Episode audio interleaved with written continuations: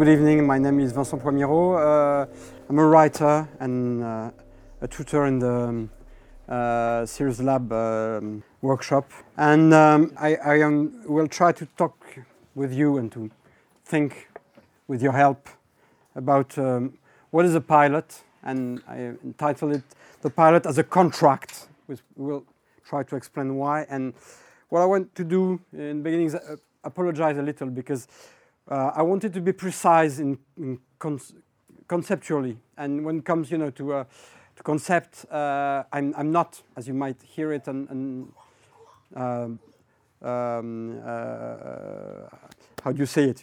My problem starts. Uh, um, uh, native speaking English, so I wanted to be precise in terms of, of concept in the first part of my of my lecture in order to to make it more pleasant for you the fact that we are making in the second part a case study.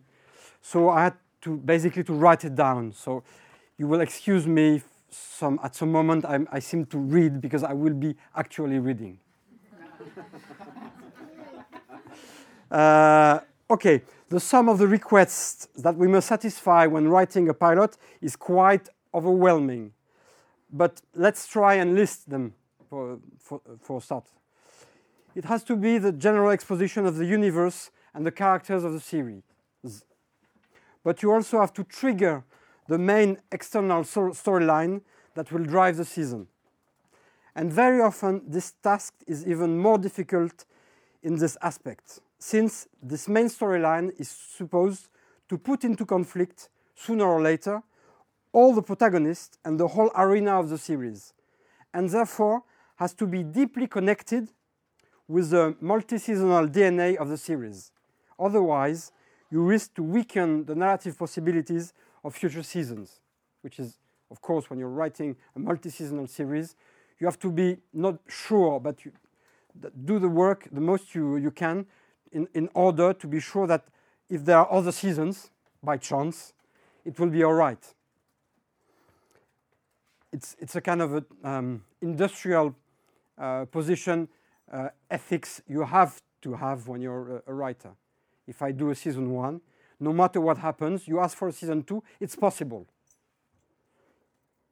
Even if very often now in the open uh, system, they're keen to do the, the reverse thing, asking us very strongly to guarantee that it will only be one season and kill everyone at the end, to be sure. Well, let's go back to the notion of the pilot. In this first episode, you also have to build and to incite the internal main conflict of the main character or of the main characters, if possible in a way that is logically linked and coherent with the main external storyline. Then, at last, the first episode, and this is very important, has to stand on its own as a whole, meaning bring to the audience an episodic gratification episodic gratification that we hook them and make them come back or immediately reach for the next episode. As a matter of fact, and let me again strongly insist on this, the fact that you haven't finished telling him the story does not guarantee at all that the viewer is going to come back. At all. I insist because this point is very often neglected, at least where I come from and very often in its consequences, its consequences are really underestimated. They are uh, related, these consequences, to another aspect of what we have to achieve in a pilot episode, a very important aspect that we too often forget to take into consideration. The pilot has to be, from an audience point of view, like a tutorial of the series. It's user manual. It embodies the narrative deal that the viewer signs with the series itself. The unwritten contract between him and this very universe, these specific characters, and this unique way of telling him this story, in which he engage, engages in coming back again and again, as long as the series will stick to the promises. This is why we often state that the pilot is the Bible because actually, and provided our industrial partners may be technically able to evaluate, it, the pilot must contain at least as a potential, all the elements that the producer or the broadcaster need to be assured of the serial and commercial potential of the story. Which tone, which universe, which genres, which characters looked upon with which point of view, and also which kind of episodic pace, meaning which kind of storytelling.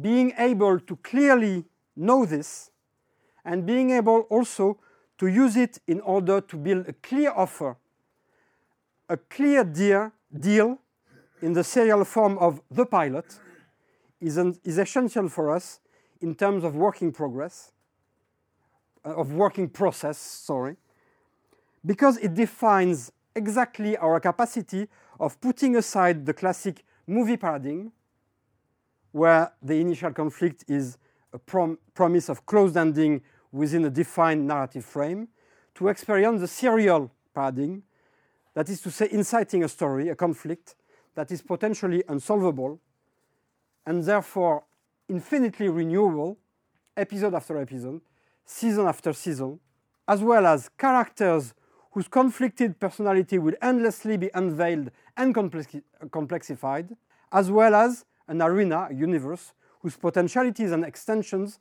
will allow endless explorations. Well, of these serial potentialities, we, we must give the viewers an idea, a glimpse within the frame of the first episode. As if within the frame of this closed in episodic exercise, this minimal element of the serial vocabulary, who gives them the narrative pace with whom this specific story will be told to them, as if we should give them the idea of the expanding serial narrative they are asked to engage with. Okay, to be a bit more clear, let's come back to the tutorial aspect of the pilot.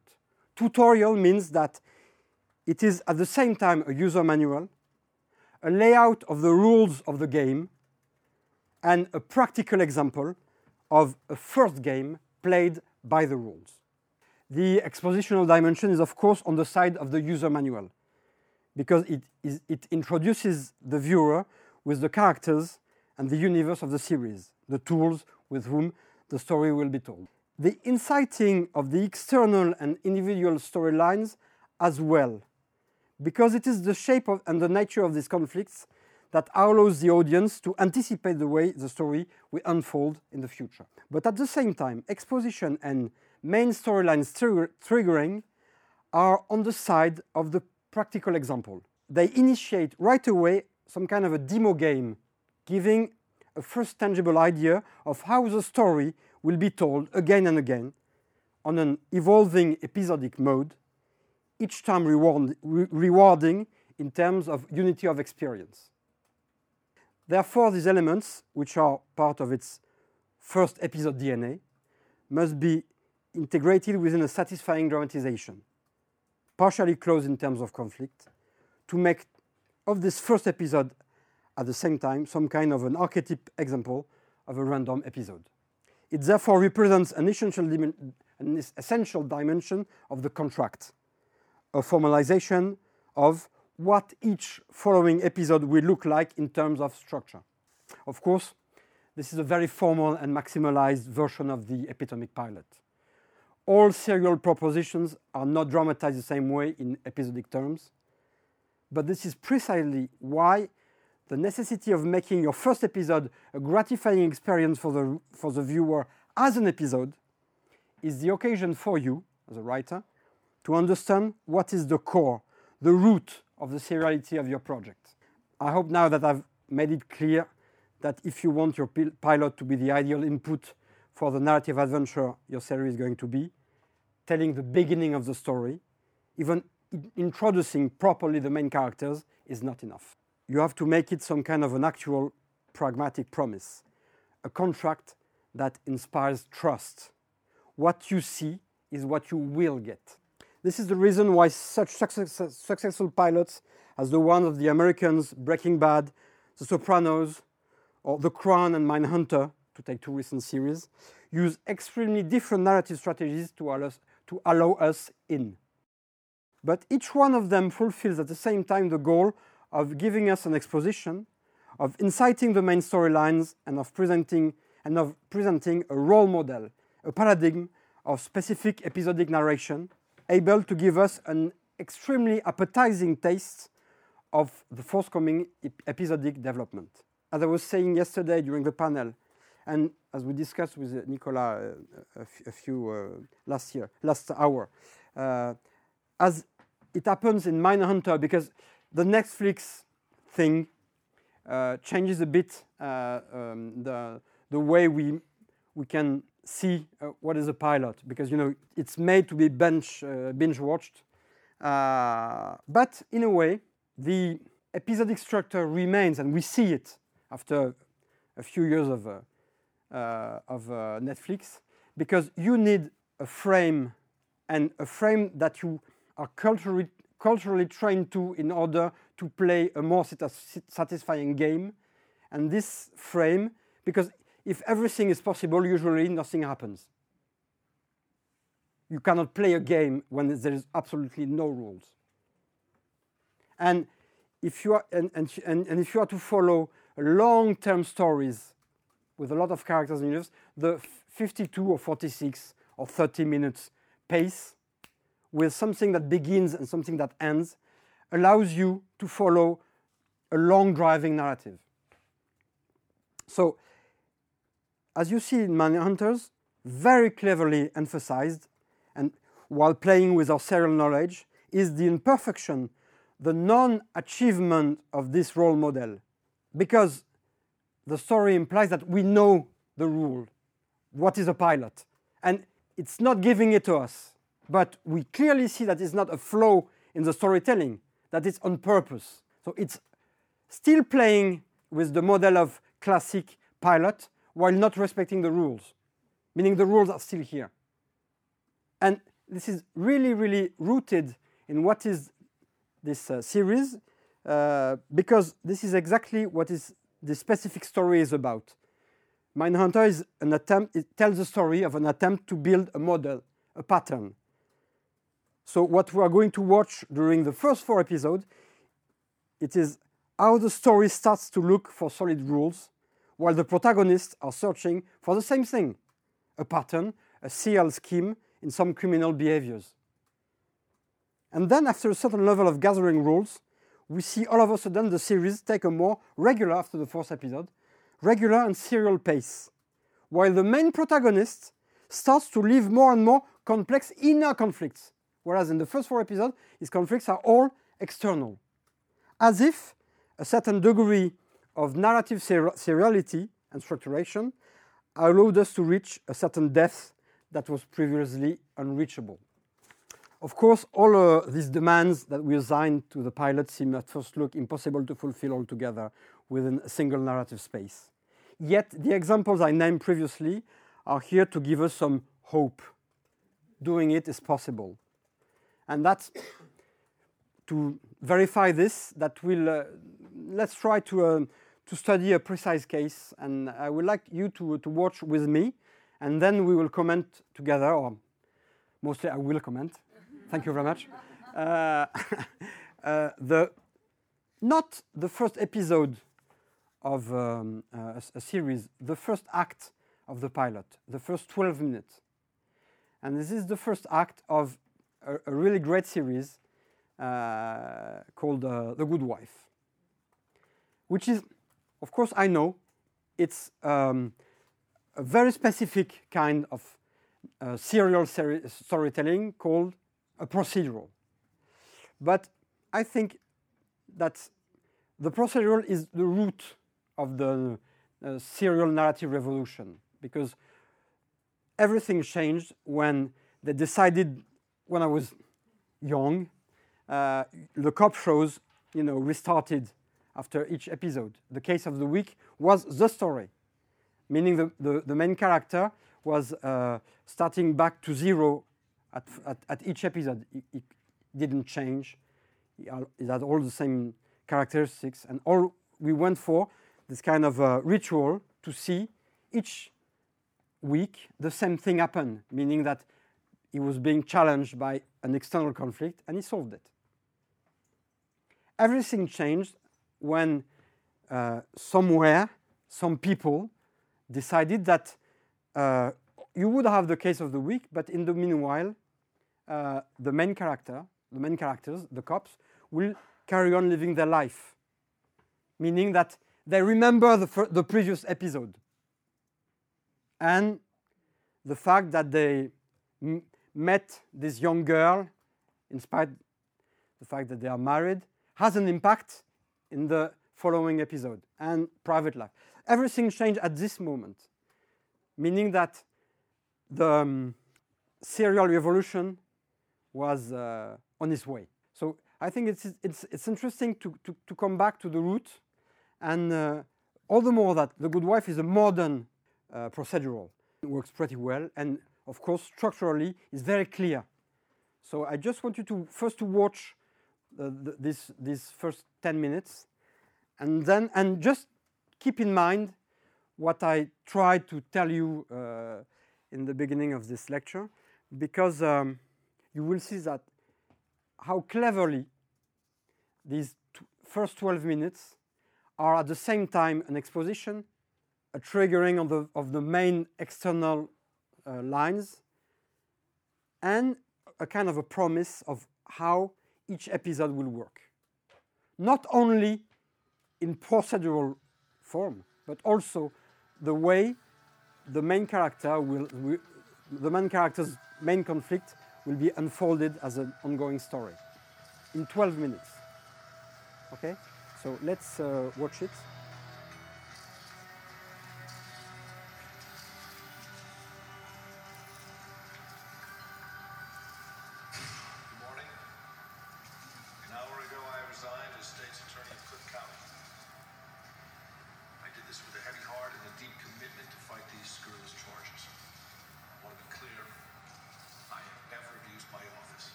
Okay, so first of all, this is a, a, quite a good way to remind us also that even if we entered the serial paradigm, we don't have to forget the basic rules of, the, of dramaturgy, meaning that a story is basically a list of conflicts.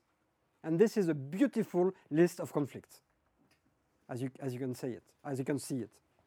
Okay, so um, let's try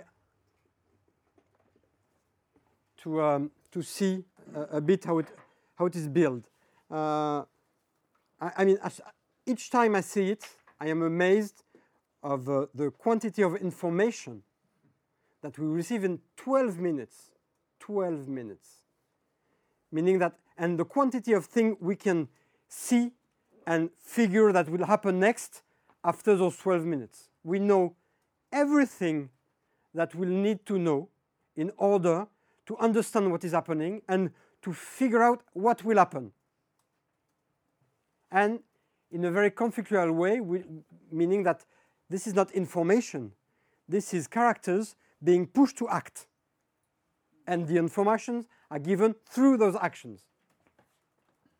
Or sometimes th- these informations are used as inciting incidents of the scenes to make the character act. First, let's, let's see the first scene. What happens in the first scene? This one. Why does it begin here? And this is where she comes from, being connected to him as uh, the, the good wife Yes, next to him. of course.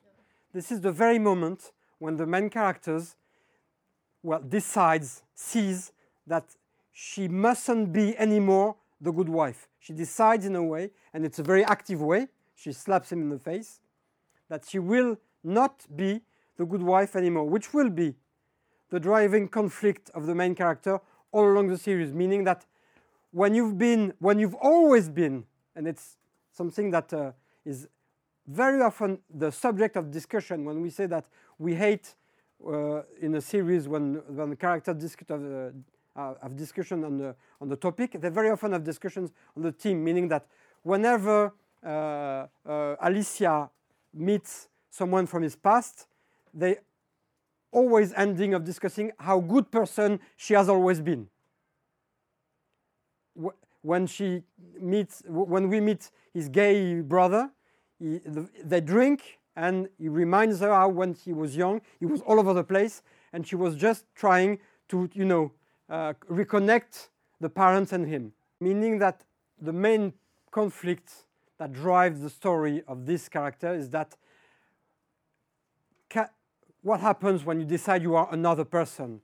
Can you get rid of the former person you were, the person you were for years, and can you get rid of all the connections, all the engagements, all the links you have with your past? And she's always put into conflicts during the whole season by the good wife she was and no, and no longer want to be. And always asking herself the question of yes but once i stop being the good wife who am i? Okay? That's the perfect point of the story to start because it is the moment where she decides she will not be the good wife anymore. And of course this uh, huge scandal will be one of the things that will most put her into conflict externally and internally uh, during the, the first three seasons. Okay, this first scene. Okay, six months later. Just a detail, you see what is putting into conflict and dramatizing every scene. Because she doesn't arrive to the meeting. She suddenly discovers that she's late for the meeting because she, she, she was in the wrong room.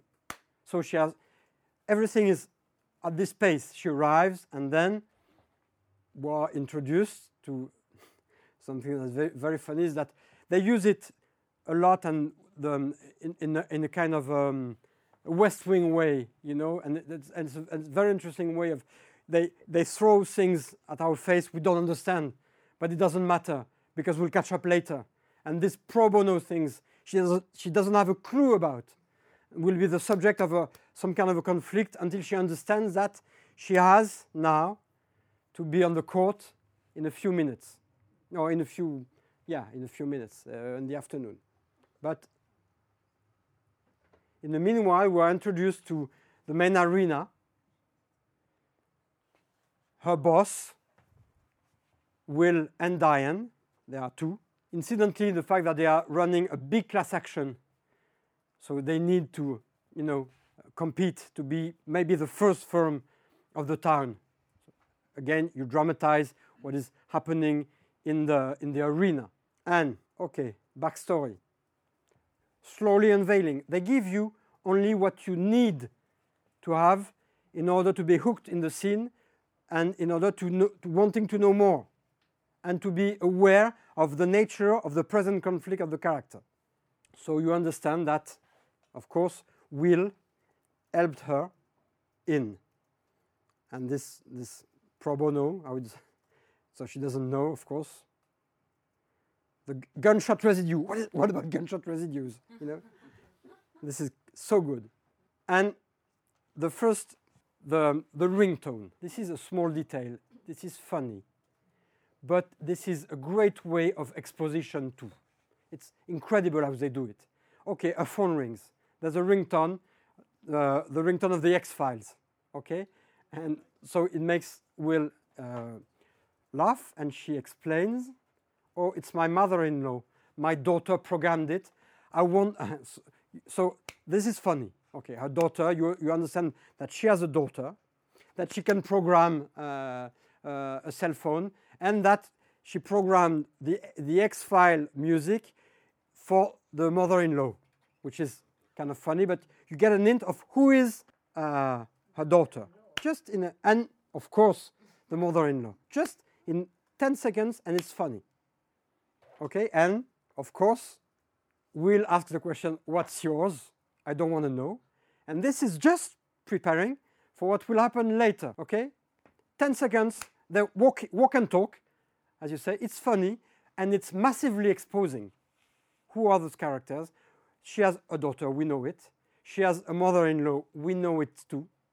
So, again, and at, at, at this piece, speed pace of narration. Okay, she wants to know about the, about uh, about the gun residue, and this is why how we will meet Diane. Again, another scene, very fast, very funny, to expose one of those main characters, the second boss, and expose also what does it expose? Okay, you have a specific character. She's funny. She's really socially so well uh, uh, sketch, sketched as a you know left left wing high society kind of it's typically American. But what is also thematically played here in this scene? There are women, women in a man's world, and you, it, it clearly shows you that it's going be, to be one of the issues she will have to face. She's a woman, and do, you have this hilarious moment when she shows the photo with Hillary Clinton. You have this tone, you know, you know that it's a procedural, but you already immediately know that it will look with the, this very, very uh, framed way of telling stories, very procedural, etc. You know that they will have a look, a take on reality that is go- going to be clever, funny, and satirical in a way. So it is very clear in terms of tone as well. Okay, an assistant, because his assistant, her assistant, is a is a man. Okay, this is an interesting detail too, because you will have the girl assistant, the classic girl assistant in the next uh, scene with uh, with Cary, the young uh, associate. Okay, this is justice. Okay, basically also what they are, they are doing, they are exposing the case of the week, because she will. This is a rule we know now that she will have a pro bono case to solve. This is the case of the week. Look, the procedural part of the uh, the, the, the series is is uh, here exposed in action. Uh, but again, very fast and very funny with with this gag on justice in the middle. Never forget to be, you know, um, it works. It's rapid and it's funny, and of course, it dramatizes the the case of the week. It's important. There is no no. It's now she has to work and to find a solution to save this um, this uh, woman. And of course, if you look at it th- again thematically, what is the case about? Do you me- remember? A wife that uh, kills uh, her A- accused of, uh, of having killed her former husband. So again, a way of, of confronting her uh, thematically, and uh, again, it's a way of teach you how those cases will play conflictually in a thematic way on um, uh, on her uh, on, on the main character. And what you see, which, uh, is very interesting, is that in the beginning of the series, she's she's very often defending people that that prove innocent in the end, and she's very happy. And the more complex the series starts to be, and the more complex her position she um is revealed and to to herself, the more complex the case uh, become later in the in, in the season. What you can see also is that it's so full of information that you cannot list all the levels. It's difficult to list all the levels where each scene is playing fictionally. Yet, as an audience, you catch them all. It is more difficult and it takes more time to explain it than to just catch it as an audience very rapidly, which is sometimes a bit different. To sum up, so some some pilot of uh, some series I will not cite, but they are French, uh, is is is very often much more fast than the 52 minutes it lasts. Most of the, series I have in mind when I say this, you, five sentences and it's over. To to to sum up 50, 52 minutes here, it takes three hours to sum up and to list what everything that happens in a fictional way and as informations, what you learn and what it makes you feel about what's going to follow um, scene by scene. Reminds me that we'll have to stop very soon. Okay. Um, and then up, when she when she's out, there's a little reminder of the scandal, Peter, and that how it will play on her. And from this moment, you will notice that those reminders, they are all over the place. After this first moment, the references of Peter Florrick, the scandal, they come from everywhere and different levels of con- conflictuality.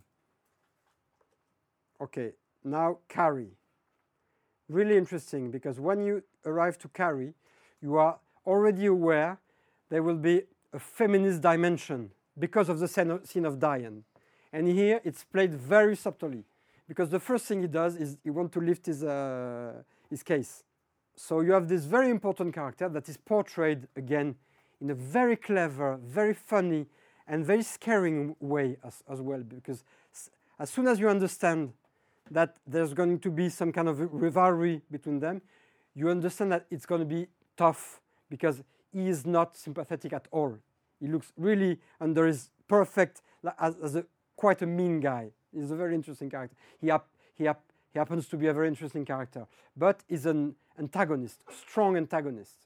That's another rule also. When you have an arena, okay, very soon the arena is on fire, and she enters an arena where you understand after a few minutes, seven minutes, that she's not really uh, recruited.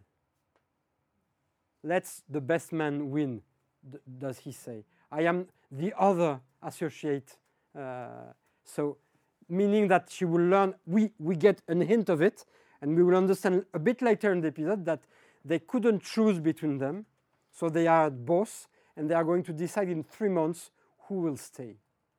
Meaning, within the frame, very rapidly of the first episode, even in the first act, you understand that her solution uh, or her work solution is not even that solid because there's a, a deadline very soon.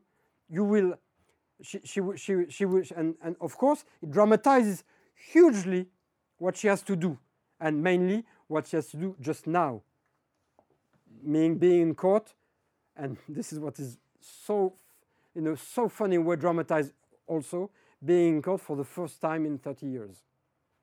What happens after that?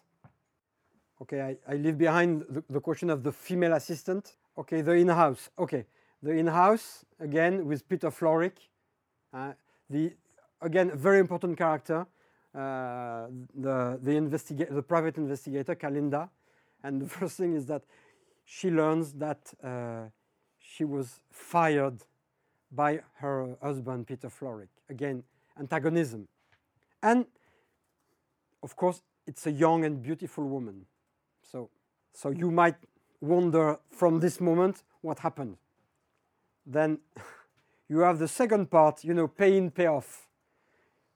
The payoff of the phone, because you actually happen to know what is her ringtone, meaning, meaning her daughter repeatedly saying, hey mom, pick up the, pick up the phone, which, which allows you this time, okay, to understand that her daughter has a brother.